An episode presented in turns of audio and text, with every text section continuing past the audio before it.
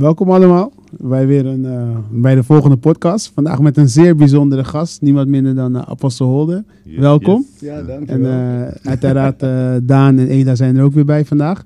Apostel, we zijn gewend om, het, om de podcast te starten met wat vragen.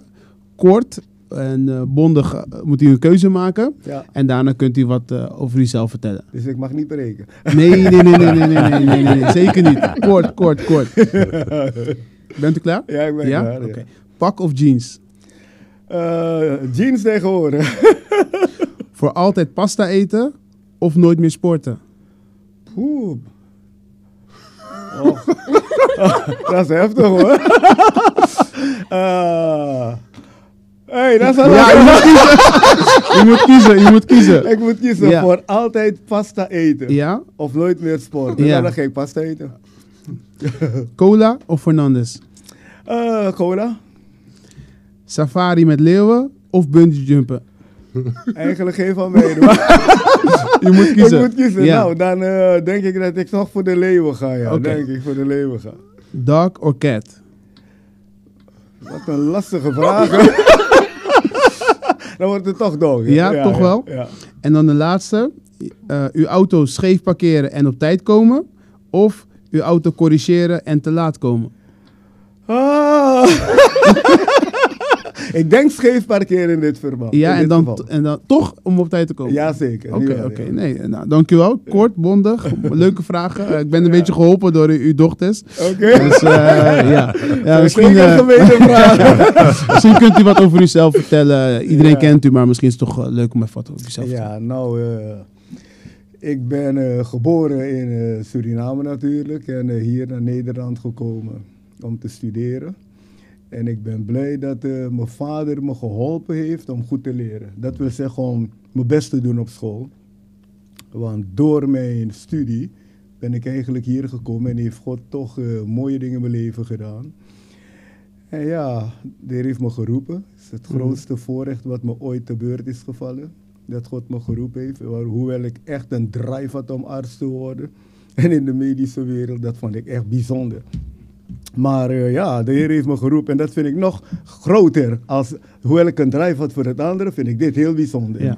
Want ja, mooier is er toch niet als de Heer te dienen in je leven. Ja. En ja, van het ene is het andere gekomen. En God heeft in mijn leven zijn woord waargemaakt. Dat als hij je roept en je gaat bevestigen. En ja, jullie kennen het verhaal. Ja, ja, ja. Getrouwd met vijf dochters. Ja. We hebben vijf dochters. En uh, ja, reden om dankbaar te zijn. En, en, een mooie gemeente. Een mooie zeker, gemeente. Zeker, zeker. En hoe is dat nu? Want u, u zit nu ook naast uw dochter. Hoe is ja. dat samenwerken? Hoe, hoe, gaat dat? Bijzonder, bijzonder. ja, bijzonder. Het heeft voor- en nadelen. Daar willen we iets meer over horen. nou, uh, je bent heel dicht bij elkaar. Dus het mooie is dat je vertrouwelijk met elkaar kan omgaan. Mm -hmm. Maar het, het, het, dat is ook tegelijkertijd kan dat je pitvol zijn. Mm -hmm. Want jij kent elkaar zo goed. Ik bedoel, ik denk dat mijn dochter makkelijker tegen mij nee zegt als een ander. Ja, ja. ja. Want je hebt twee petten op, maar ik vind het boeiend. Ik vind het mooi. Ik vind het een voorrecht dat uh, de dochters in het werk van de Heer zijn en meedraaien. Ja. Geweldig. En als je die koppeling maakt, uh, of de, zeg maar de brug maakt naar Ela, hoe zie jij je vader? je bent op dit moment van alles. Mijn vader, ja. mijn werkgever, uh, mijn huisgenoot. nee, heel bijzonder. Ik zie het echt als een voorrecht. Ik denk dat, uh, dat het heel bijzonder is dat je met je eigen vader zo nauw mag samenwerken, zoveel mag samenwerken, zo'n band met hem mag uh, opbouwen. Um, en wat hij zegt, het gaat uh, heel vaak goed en soms knettert het eventjes. en je we er ook allebei een kop op zitten. Zo duikt ook wel eens weg. Soms zoek ik er is onder de tafel gekropen. ja. Maar werk leuk, stopt niet. leuk. Weet je, het, het start en het stopt niet meer. Ja. Dus het is, uh, en wanneer het uitkomt. Uh, Ja. Hoe ik hem zou omschrijven. Uh, positief ingesteld, onwijze drijf om, uh, om, om, om zijn visie uh, die God aan hem heeft gegeven voor de gemeente en, en Nederland, de wereld, te evangeliseren, om dat te bewerkstelligen. Die drijf is echt. Nou, ik moet de eerste nog tegenkomen die hetzelfde soort drijf heeft eigenlijk. Humoristisch en ontzettend wijs.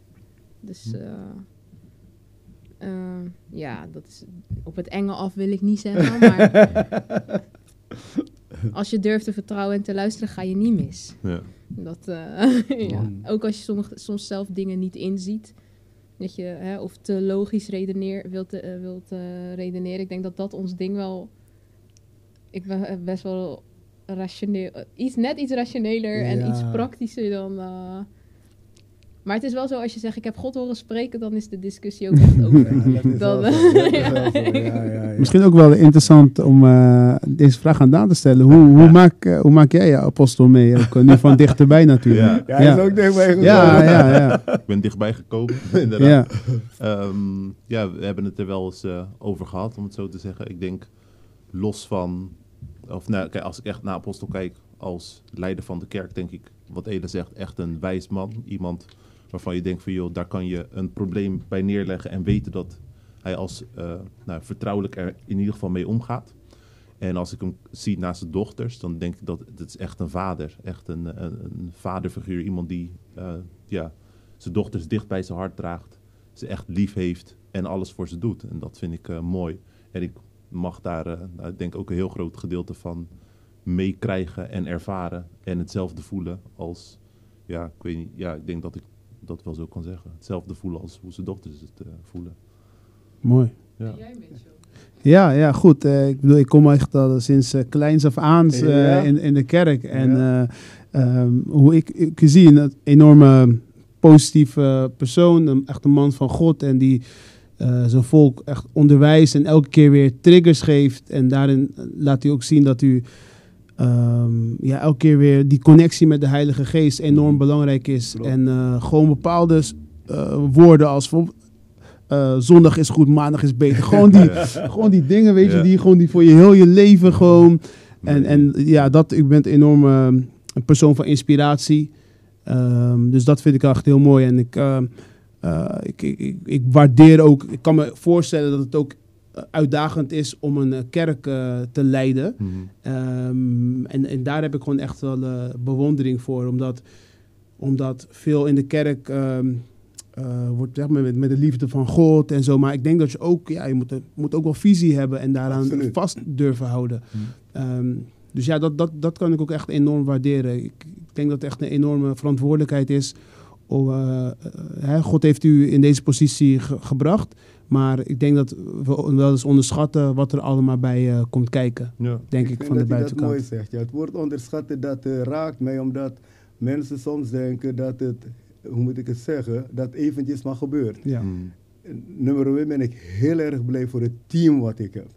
Ik, eh, de leiders die we hebben in de kerk. Ik, mevrouw en ik, we danken de Heer echt regelmatig voor deze fijne mensen. Want een kerk kan je niet alleen runnen. Hè? Nee. De Heer Jezus heeft ook niet alleen een kerk gerund.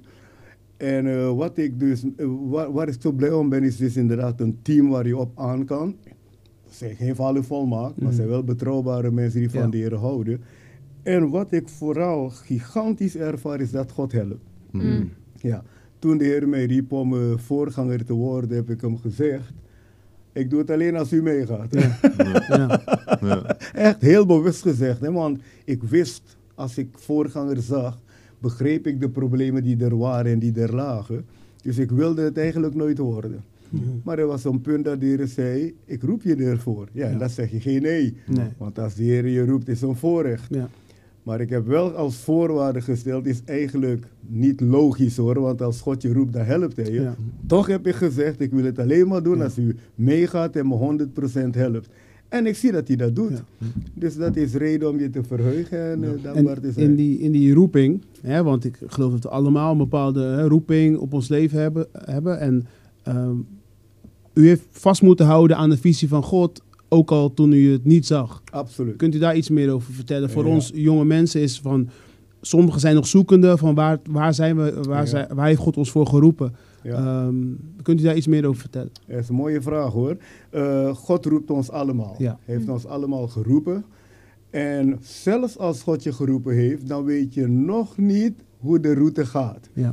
Dus niemand hoeft daarin eigenlijk zich achtergesteld te voelen, want wij allemaal moeten toch leren vertrouwen. Mhm.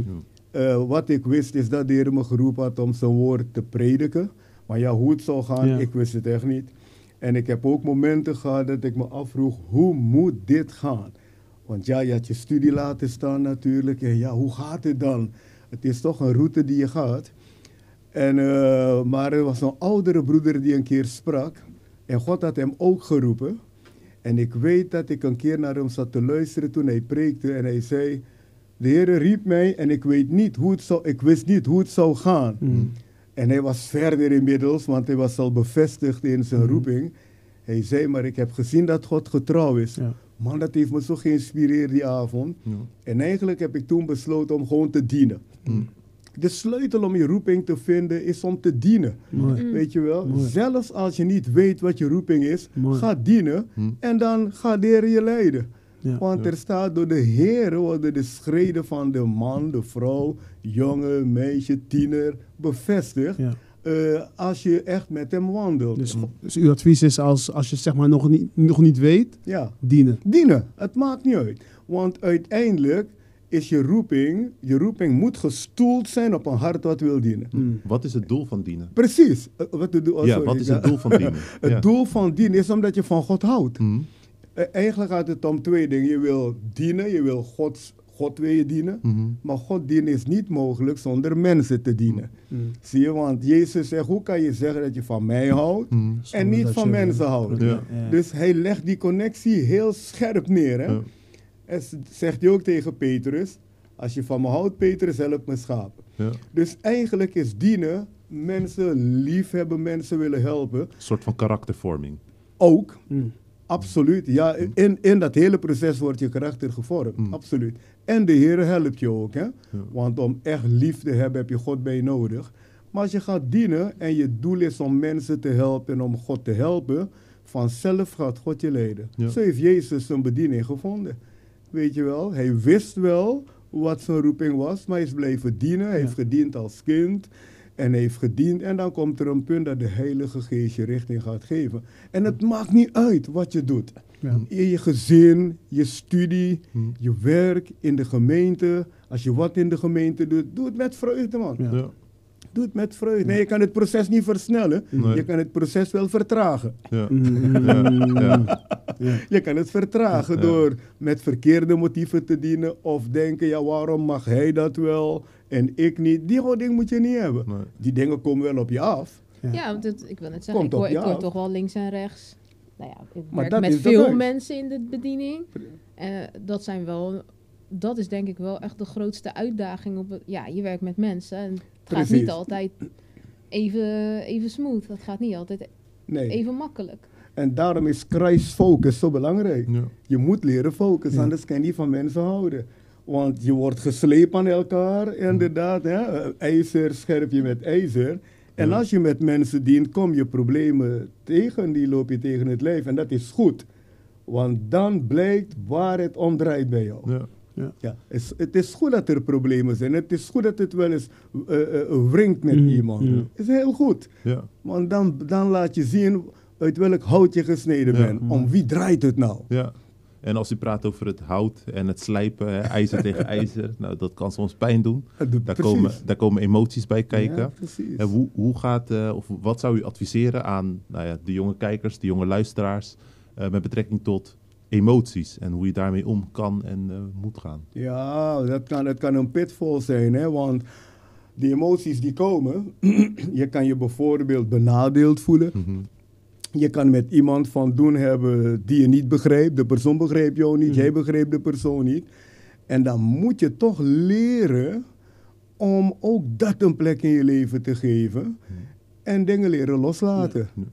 Ik heb een keer eh, een droom gekregen van de Heer. Dat ik met een man naast de, op de rand van een zwembad stond. en we keken elkaar aan. En er gebeurde niks zolang we elkaar aankeken. Maar dan greep ik hem. En dan greep hij me. En het bleek dat hij sterker was dan ik. En eh, dat hij stond op het punt me in het water te gooien. Dan liet ik hem los, want ik wilde niet in het water vallen. Ja. En dan liet hij me ook los. Dus, en dan stonden we weer naar elkaar te kijken. En dat heeft zeker een aantal keren geduurd. En elke keer hetzelfde proces. Hij deed me normaal niks, maar als ik hem greep, greep hij mij ook. Ja. En dan bleek hij sterker te zijn. Dus je moet leren dingen los te laten, Ja. want de dingen zijn sterker als jou. Ja. Zie je? En emoties moet je ook durven overgeven aan God. Je mag dingen verwerken. Hmm. Ja. Tuurlijk, we gaan allemaal dingen moeten Tuurlijk. verwerken in het Ja. leven. Ja. Maar toch ergens weer loslaten. Anders gaan emoties over je heersen. Ja. En dan kan je in bitterheid terechtkomen. Ja. Teleurstelling. En het kan je je hele roeping laten missen. Ja.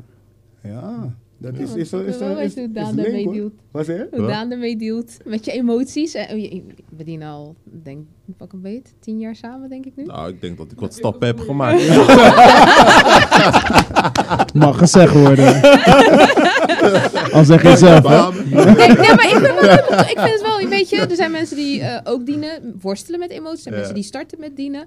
Eh, wat, wat heb, wat, waarvan kan je van jezelf zeggen... Nou, zo zat ik er vroeger een beetje in. Nu ik een beetje ben geslepen. IJzer eh, scherpt ijzer. Ja. Nu... Ja, nee, ik kan er wel wat over zeggen. Wij zijn, ik ben opgegroeid met eh, nou, vier jongens thuis. Twee Ah. broers, één broertje. En als we het nou, ja, niet met elkaar eens waren, nou ja, dan was het gewoon eventjes met elkaar. eh, nou, toch even een Handen knop. hè. vuist. Ja, dan heb je het gewoon even opgelost en daarna is het ook weer goed. Ja. Mooi. Nou ja, en nou, ik wil niet zeggen, want mijn pa zei ook altijd van, joh, zo gaan we niet met elkaar om. Maar ja, je bent toch een jongen die hè, af en toe eh, de borst vooruit en lekker knallen. Tuurlijk. Dus, ehm, maar uiteindelijk moet je gaan leren dat andere mensen dat niet op die manier oplossen. En ik weet nog één keer heel goed dat er eh, was een voorval gebeurd en toen kwam ik bij u in het kantoor. En toen zei hij tegen mij, nou, ik zou het niet zo doen. Toen dacht ik, oh. Het kan anders. Ja, dat kan Ja. anders. Toen dacht ik, oké, oké. Nou, en dan is het aan jou eigenlijk om te, hè, hoe ga je dat doen en hoe doe je het de volgende keer? En ik denk dat zulke dingen eigenlijk, wat te zeggen, dat, dat slijpt je. Ja, En dat maakt ervoor dat je gewoon gaat nadenken over hoe reageer je. Maar ja, het is een proces. het is een proces. Het is een proces. Het is een proces. Ja. ja. Dus ik denk dat ik er zo mee omga. Ja, het is, ehm, je leert gewoon. En er veel erover praten. En naar wijze mensen luisteren die, die je advies geven. En leer jezelf te corrigeren. Hè? Want Ja. niemand is volmaakt en niemand heeft de tien erin. Ja. Dus je kan soms ook een hele eh, stuk, een, een hele stuk van de weg gaan met je emoties. Maar het is belangrijk om tegen jezelf te zeggen, waar ben ik mee bezig? joh? Ja. En, eh, Weet je, Ja, dat ik, weet je soms wel? kom ik thuis, broei, heb, eh, mijn hoofd is dan oh, zo vol of zwaar of ik kan iets niet begrijpen. En dan kan je nou geloven dat? Nou, dan eh spuig ik en dan zegt hij, ah joh, dat is emotionele energie. mm, En dan,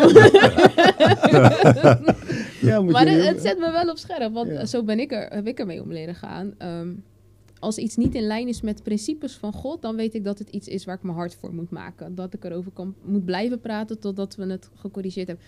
Als dat niet zo is, als het niet om een principe gaat of maar een meningsverschil of ziens, nou ja, hoe je het wil noemen. Oh, loslaten. Ja, je, nou, ja. Apostel, wat, want, eh, u bent ook u bent mens. Ja, absoluut. wat zijn nou triggers voor u? Want is er ook, is er ook ongetwijfeld dingen zijn waarvan Ja. ja. Even, ja, dit zijn elke keer wel dingetjes. Oké, nu moet ik wel scherp zijn. Ja, absoluut. Wat zijn triggers voor u? Ja, wat zijn triggers? Hè? Als iemand niet wil luisteren, Mhm, vind ik altijd jammer. mhm. Tegelijkertijd begreep ik ook dat iemand overtuigd moet zijn eh, van iets om die weg te willen gaan. Eh, maar als dingen helder en duidelijk in de Bijbel staan en mensen gaan er tegenin tegen principes, ja, dat vind ik best wel lastig. Maar ook dat laat ik los. Mm. Ja, wat vind ik nog meer een trigger? Maar wat is Eh, een trigger? Dat hij boos wordt? Of, bedoel je dat? Ja, maar dat, dat, dat hij wel moet Wordt even het tegen... vlees een beetje Ja, wat zijn schommelen. vlees een beetje kietelt. Ja, ja, ja, hoe zal ik dat Als we het Ja, niet opgeruimd achterlaten, dan doen Ja. we dat. nee, nee, als mensen niet gelijk luisteren, dan, dan word ik beslist niet boos. Mm, mm. Maar het triggert wel. Het triggert, van, ja. Weet je wel. Maar ja, wat triggert mij? Poeh. Ja, ik zou het niet zo gelijk. Ela, wat, wat triggert apostel? Misschien dat. Nee, eh, ja, niet. Eigenlijk, ik, ik zie jou niet snel boos worden, hoor, maar wel als mensen niet willen luisteren, dan zie ik wel echt dat je bewogen bent en pijn hebt. Omdat Ja. je het beste met iemand voor hebt en niet iets zegt om iemand te benadelen of zelf je slaatje eruit te slaan. Je zegt het omdat je die persoon een stap verder wilt helpen. En op het moment dat iemand dan niet luistert, dan kan ik wel echt zien dat hij eh, em- emotioneel is. En dan, dan gaat het vaderhart wel spelen, zeg maar. ja, precies. Ik ben Echt eerder boos. bewogen. Mm, Dat, ik ben niet volmaakt. nee. Maar ik denk dat ik gegroeid ben door de jaren Ja. naar dat punt. En eh, ik corrigeer mezelf ook. Oké. Ja, want het is dus beslist niet zo dat er van binnen niks bij mij gebeurt. Mm. Maar ik heb leren corrigeren. Omdat ik gezien heb, God heeft geduld met mij. Dan wil ik ook geduld met mensen hebben. Mooi. Eh, dat is echt mijn filosofie. En de kinderen weten dat ik zo in elkaar steek, mijn vrouw ook. Ik denk zo, zoals ik geduld en liefde heb voor mijn kinderen, zo wil ik ze ook hebben voor God zijn kinderen. Ja. Ja, en dat is echt mijn drive. Ja. Je kinderen zijn je kinderen natuurlijk. En, en dat is een, een band die je niet kan Toen veranderen. ik tiener was, toen kon ik je wel boos maken. Ja, maar, maar een gezonde boosheid is normaal. ja, wel Ja, was het true. nodig. Is normaal, hè? Ja. Maar ik, ik wil van mensen houden. En Ja. dat, het klinkt misschien een beetje vroom, maar zo steek ik wel in elkaar. Ja. Ja. Zo steek ik, ik wil mensen helpen. Maar dat is zo'n groei door de jaren heen. Ja. Als u drie principes zou mogen kiezen waarvan u nooit zou afwijken, Ja. welke zouden dat zijn? Nou, nummer 1, gemeenschap met de Heilige Geest. Mhm. Zou ik nooit van af willen wijken. Eh, de Bijbel lezen, dat moet je niet van me af willen pakken. en eigenlijk, ja, eh, eh, hoe zal ik het zeggen? Een gebedsleven. Hmm. Want die drie dingen, de Bijbel lezen, gebedsleven, eh, eh, het woord van God lezen. Sorry, de Bijbel lezen, je gebedsleven en je gemeenschap met de Heilige Geest, beïnvloedt al het andere Mooi. beïnvloedt al het andere. Hoe je met je vrouw omgaat, hoe je met je kinderen omgaat, hoe je met mensen omgaat. Dat is, zijn drie pijlers. Ja. Oeh, Ja. dat is mooi hoor. En ehm, als we kijken bijvoorbeeld naar, u bent jong, maar u bent ook jonger geweest. Oké, hij, hij scoort punten, hij scoort punten.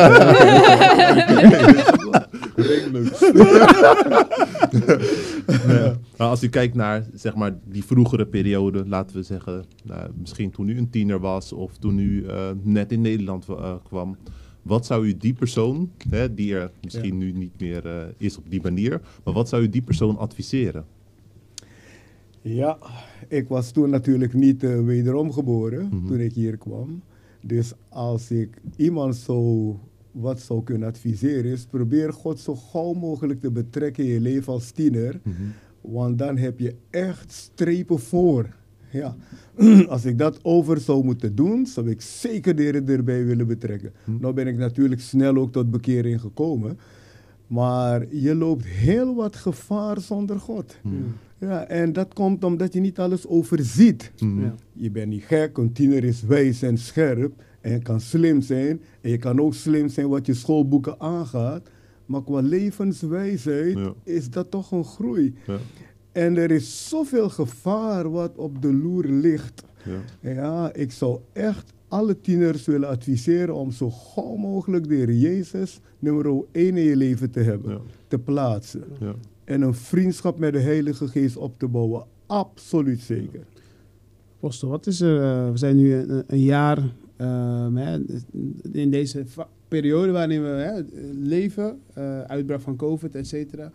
Wat is er voor u veranderd in uw relatie met God eh, het afgelopen jaar? Is, is er daar verandering in of hoe kijkt u naar deze, deze tijd? Er is zeker verandering in. Ik, eh, ik ben nog meer gaan focussen als ooit tevoren. Mhm. Ik was altijd gefocust. Maar ik heb eigenlijk in deze periode gezien hoe belangrijk focussen is. Mhm. En focussen waarop? Je vriendschap met de Heer, de woorden van God over je leven, nadenken over het plan van God met je leven. Want op ons allemaal komen heel wat dingen af. Ja. Ja. Ik bedoel, als we zeggen dat het niet zo is, d- dat is niet reëel. Ja. Heel wat dingen komen op je af. Ik bedoel, de wereld is bol aan vrees en angst nu. En ik heb gezien de kracht van de woorden van God over je leven. Mhm. Van, ik ben met je, Juist. ik heb je geroepen, ik help je. Man, dat maakt een verschil van Ja. dag en nacht. Ja. Oeh, echt. Ik vertelde het tegen mijn vrouw. Ik zeg, dit is een periode waarin ik nog meer de waarde zie van het woord van God, Ja. maar ook de vriendschap Mhm. met de Heilige Geest in mijn leven. Want uiteindelijk is de Heilige Geest de grootste die er is. Ja. Meer als God is er niet. Alles gaat voorbij. ABN AMRO gaat voorbij, Nationale Nederlanden gaat voorbij. Ja. het Feyenoordstadion gaat, alles gaat voorbij. Maar God blijft. Zie je? Dus als hij gesproken heeft, je moet het zo zien. De Heer zegt tegen Mozes, ga naar Egypte en bevrijd mijn volk. Ja. Nou, dat was een klus zeg. Ja. En dat is eigenlijk bijna tegen het gekke aan. Ja. Een man sturen om een volk te bevrijden. Ik denk als je duizend mensen op een rij had gezet en gevraagd zal dit lukken, Allemaal nee. Had alle duizend nee gezegd Ja. hadden. Ja. Maar omdat Mozes fo- zijn focus op God was en op wat God zei, heeft hij eigenlijk laten zien dat Gods woorden groter zijn als Ja. wat voor mensen ook onlogisch lijkt. Ja. En dat is wat ik nog sterker aan het leren ben. Ja. Is mooi hoor. Ja. Ja. Oh, in die momenten, want eh, we zitten hier vaak eh, aan tafel, dan hebben we het vaak over focus en refocus. eh, waarin we ja, momenten zijn dat je gewoon minder, minder scherp bent of, of minder. Heeft u ook die, die, die, die momenten dat u minder gefocust bent eh, op de Heilige Geest? En hoe, ja, eh, hoe refocust u? Ja, kijk, er kunnen momenten zijn dat gedachten je meenemen. Ja. Mhm. Ja. Iedereen heeft dat. Auw, sorry. En, en dat is het zelf corrigeren waar ik het over heb. Je het is net autorijden. Mhm. Eigenlijk, eh, hoe moet ik het zeggen? Ik kan me niet herinneren dat ik een hele dag een bepaalde kant met mijn gedachten ben opgegaan en niet gecorrigeerd heb. Ja. Mhm. Dus eh, het is een training. Ja. Met autorijden leer je ook op tijd corrigeren. Mhm. En eh, dus ik heb ook momenten inderdaad dat gedachten komen, dat je dingen ziet, dat het naar binnen wil komen en dat je wil beïnvloeden. Maar ik heb leren corrigeren. Hmm. En het is, het, je blijft het leren hoor, want dat blijf je doen tot je bij de Heer bent. Ja. Maar dat is zo'n grote zegen als je kan corrigeren. Ja. Zelfcorrectie hè. Ja. Van nee, nee, maar de Heer zegt dat. Mm. Ja. Nee, maar zus. Daar is die weer. En, en, en, en het, is- het is mogelijk voor ons allemaal. Ja. Want we hebben die vriend. Ja. We Ja, hebben die vriend, de Heilige Geest. Dus je hoeft niet zo. eh, het ligt aan jou als je een hele poos zonder hem gaat. Ja. Sa- S'avonds als ik, nou, als- als ik in bed lig, voor ik slaap, ik praat met de Heer, ik fellowship met hem. Als ik midden in de nacht wakker word, je moet een keer naar het toilet, ik praat met hem. S'morgens, de eerste met wie ik praat is de Heer. Ja.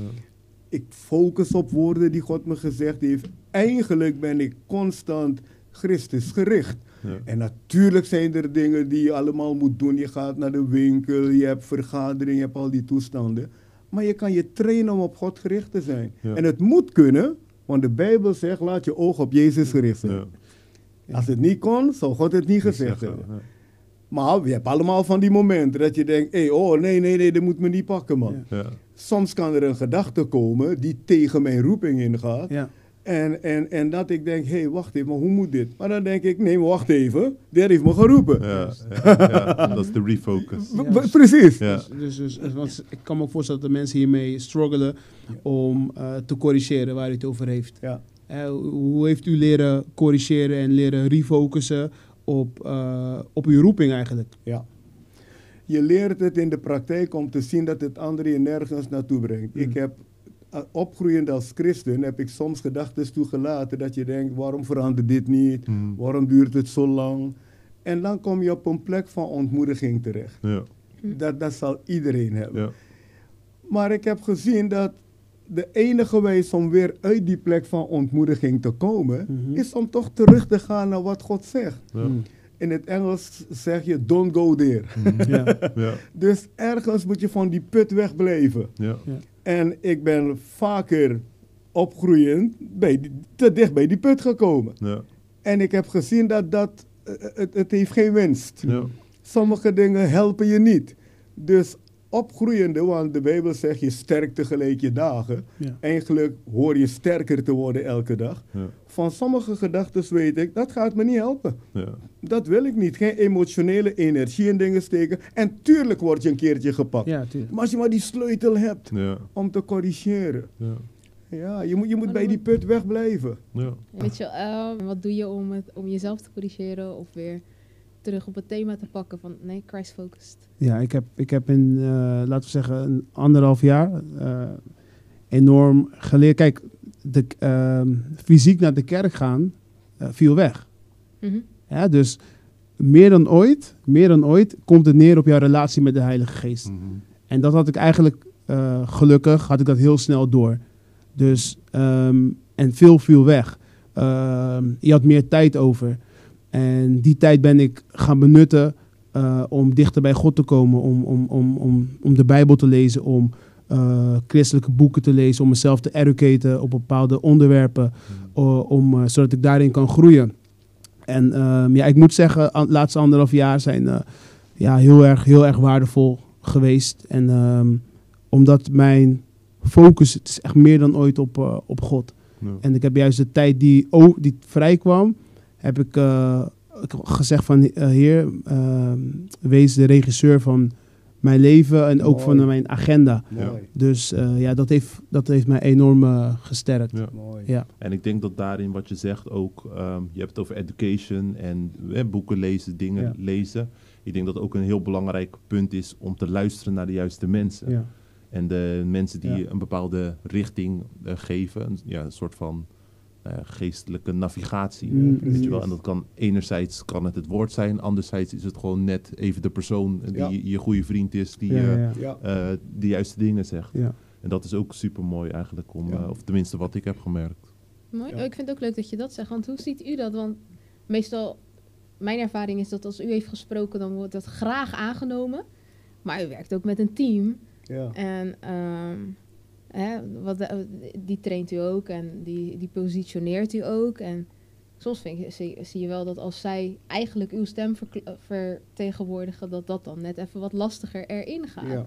Dus hoe ehm, zou je iemand adviseren? Wanneer luister je naar iemand en wanneer moet je, moet je, kan je voor jezelf de grens trekken van, maar ik denk niet dat hè, of iets aannemen van deze persoon zin heeft? Hmm. Hoe breng je dat Ja. beter in balans? Want ja, telkens direct naar de Ja. hoogste. Wat, wat, waarom schiet je? ik ben benieuwd naar het antwoord. Oké, oh. Nou, eh, als je je Bijbel regelmatig leest, ga je hulp hierin vinden. Vind je hulp hierin. Eh, ik heb leren luisteren naar mensen die de Heer eh, boven mij geplaatst had om leiding te geven. Zuiver op grond van de Bijbel. Hm.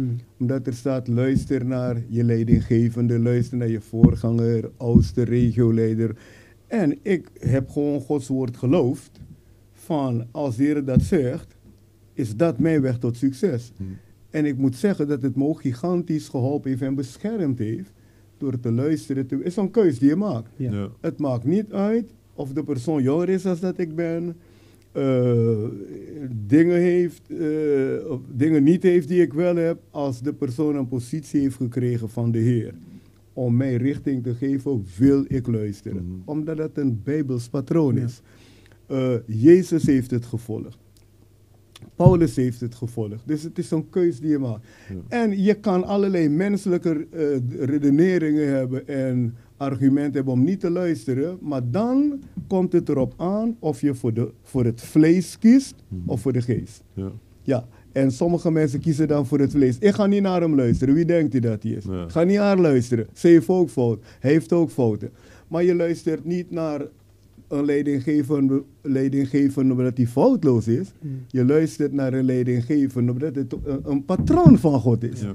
Zie je, kinderen leren ook naar ouders luisteren. Zijn ouders volmaakt? Nee. Maar ouders hebben toch de plek om kinderen richting te geven. Dus ja, ik heb al heel gauw besloten van, hé, hey, en ik ben blij dat ik het gedaan heb, want nu ik zelf leiding moet geven, eh, is het voor mij, hoe moet ik het zeggen, het zou me veroordelen Hmm. Mm. als ik niet naar gedaan. mensen had willen luisteren Ja. die God eh, boven mij geplaatst had. En dat ik nu van mensen verlang dat ze naar mij luisteren. Ja. Het is een keus die je maakt. Ja. Er kunnen duizenden redenen zijn om niet naar iemand te luisteren. Maar als je de persoon de plek geeft die God de persoon heeft gegeven Mhm. en je luistert, gaat God jou zegenen. Ja. Mooi. En dit is echt een sterk principe wat u hier neerzet. Ehm, nu werkt niet iedereen in een kerk of ehm, ja, mensen zijn dan in een kerk betrokken, laten we, laten we het zo zeggen. Maar mensen hebben naast de kerk ook vaak een leven erbuiten of hè, in ieder geval je werk, je carrière, maatschappelijke carrière. Sport. Deze, dit principe is best wel iets stevigs wat je neerzet. Dus luister naar de leidinggevende. Precies. Wat zou u eh, zeggen, zeg maar, in een situatie, ehm, als u hè, het luisteren naar de leidinggevende zou eh, nou plaatsen in De maatschappij? Ja. Wat zou u daarvan zeggen? In principe blijft het hetzelfde, want het is een principe van God. Mhm. Principes van God werken in de kerk en buiten de kerk, om het zo te zeggen. Ik bedoel, ja, eh, dat het leven is gewoon zo, hè. Willen luisteren, dat vind je op school, dat vind je in een bedrijf, Mhm. vind je overal. Eh, willen luisteren wil echter niet zeggen dat je niet praat. Hmm. Zie je, want iemand kan iets van je vragen en dat je toch misschien inzicht hebt om het op een andere wijze te doen, Ja. dan mag je praten. Hmm. Maar als de persoon toch die leiding geeft, bij hun punt blijft en zegt nee, we gaan het zo doen, dan moet je het loslaten. Hmm. Dus luisteren betekent ook niet niet praten Hmm. of gelijk ja knikken. Mm. Eh, want ja, eigenlijk hoort luisteren te zijn in een patroon van samenwerken. Ja. Weet je Mm. wel? Ik vind het fijn dat mijn, mijn medewerkers, dat ik met ze samenwerk. Ja. Met, met, met de leiding in de kerk en met de gemeente werk je samen. Ja. Want dan heb je een team. Ja. En de mensen mogen praten. Ik zeg ook, elk gemeentelid mag met me praten. Ik Mm. kan niet met elk gemeentelid praten, is niet praktisch. Maar ze hebben het recht om met me te praten. Ja. En hoeven niet bang te zijn. En ik geloof in de maatschappij is precies hetzelfde. Ja. Je moet ook leren luisteren naar wat mensen zeggen. Maar als het toch niet past binnen de opdracht die jij hebt Hmm. en de visie die jij hebt, ja, dan moet iemand toch zeggen: oké, dan gaan we die kant op. Ja. Eén moet toch de leiding hebben. Ja. Ja. Ja. En eh, apostel, eh, afsluitend, ehm, wat wilt u meegeven aan de, aan de jeugd? Wat, wat, natuurlijk, u heeft een, eh, uw hart gaat uit naar jonge mensen. U staat Ja. al jarenlang, staat u, eh, geeft u, u alles en u, u leidt mensen op om, om, om, hè, voor, voor de Ja. jeugd. En heeft u misschien wat, wat, wat tips, wat, wat afsluitende woorden voor, voor jonge mensen die hier naar kijken en hier naar luisteren? Ja, absoluut zeker. God is dringend op zoek naar jonge mensen om ze toe te rusten om zijn werk te doen. Want het gaat om mensenlevens. Het gaat erom dat iemand gered wordt of verloren Hmm. gaat. En dat is niet iets wat een voorganger alleen kan doen. Hmm. Of, of een paar leidinggevende mensen in een kerk. Is niet waar. De Bijbel zegt God heeft de vijfvoudige bediening gegeven om het lichaam toe te rusten. Dat zijn dus ook jonge mensen. En jonge mensen, hoe moet ik zeggen, hebben zo'n gouden kans. Want je weet niet wat God met je van plan is. Hmm. Maar één ding is zeker, God heeft zijn oog op jonge mensen. Amen. Hij had zijn oog op David, had zijn oog op Jozef, had zijn oog op zoveel, Jeremia. Hmm. Je, je ziet, Maria was ook een jonge vrouw. Hmm. Dus jonge mensen hebben gewoon de aandacht van de Heer aan alle kanten. Ja. Het punt is wel dat jonge mensen dat ook moeten accepteren en zeggen: Ik ben belangrijk voor de Heer. Hmm. En dan kom je weer uit op je Bijbel lezen, mediteren, nadenken erover. En ik kan niemand dwingen om zijn Bijbel te lezen.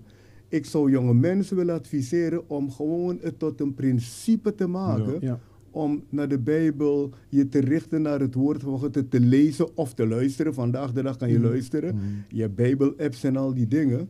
Ik vind dit zo gigantisch belangrijk. Zo ben ik begonnen. Ja. Een vervente Bijbellezer. En als ik dingen niet begreep, boeken erbij halen. En goed naar predikingen luisteren. Want het is een deel van je toerusting. Ja. Het tweede is dat jonge mensen serieus met God moeten praten. En niet bang zijn als ze fouten maken. Ja. God schrijft je niet af als je fouten Ja, maakt. mooi. En het is ook niet zo dat als je een dagje je Bijbel niet leest, dat er een engel met een stok staat. Is niet waar. Ja. God is een vader, weet Yes, je wel. yes. Dus, dus je moet de Bijbel niet lezen, want anders krijg ik een map. God map niet. Je moet de Bijbel willen lezen, omdat je weet, net als eten. Eten is goed voor jou. Ja. Ja. Zie je? En je eet niet voor je vader en voor je moeder. Nee, nee, nee, niet voor jezelf. Als je slim bent, eet je voor jezelf. Ja. Weet je wel? En dat is met Bijbel lezen het, het geval. Met bidden is dat het geval. Ja.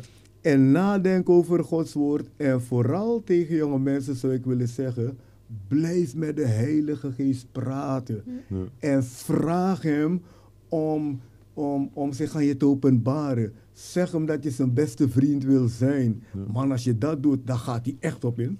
En God heeft jonge mensen nodig de tijd waarin we leven. Ja. Echt waar. En ik, ik geloof zelf, de, de komende doorbraak die er is, dat de jonge mensen daar een gigantische voortrekkersrol in gaan spelen. Ja. Omdat jonge mensen zijn bizar ze voor gaan. Als die gaan, je hebt natuurlijk ook de wijsheid van oudere mensen Ja. nodig. Mhm. Is een combinatie, maar de drive van jonge mensen. Nou, kijk hoeveel, hoe jonge mensen de wereld veranderen. Ja, zeker. Kijk naar Black Lives Matter, wat er allemaal gebeurt. Hoe jonge Ja. mensen eigenlijk alles eh, een bepaalde kant opdrijven. En andere Ja. dingen natuurlijk. Ja. Ja. Dus ja, dit is, het, dit is de dag voor jonge mensen. Ja.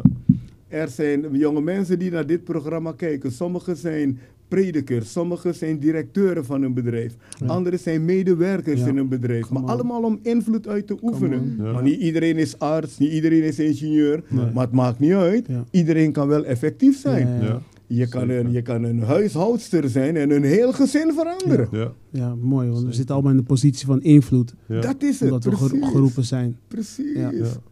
Precies. Mooi. Paulus is eigenlijk zijn leven is gespaard gebleven door eh, de zoon van zijn zus. Want die zoon, die hoorde, die, die zoon van zijn zus, dus zijn neef, hoorde wat ze Paulus wilde aandoen. Mhm. En hij was opmerkzaam. Toen is hij naar een Romeinse soldaat gegaan. Hoor. Dat je ook, had je ook, moest je ook Lef. moed voor hebben Ja. om dat te doen. Ja. En in die dagen. Ja. Hij is naar een Romeinse soldaat gegaan en heeft hem gezegd: Hé, hey, wacht even. Ze gaan naar je toe komen en vragen dat en dat, maar doe het niet, ze willen hem doden. En die man zegt: Zeg het aan niemand, jongen. Want hij wist: als, je, als ze weten dat je met mij gepraat hebt, dit zijn allemaal risico. Ja. Maar het was een jongeman, zijn naam wordt niet eens genoemd. Nee. Maar al de dertien brieven van Paulus, daar hebben we heel wat. eh daar moeten we met z'n allen heel dankbaar zijn voor die jongen. Ja. Ja. Dus zijn naam Mooi. is niet bekend, ja. maar hij heeft de wereld gered om het zo te doen. Mooi. Mooi. Mooi. Mooi hè? Ja, Zeker. mooi.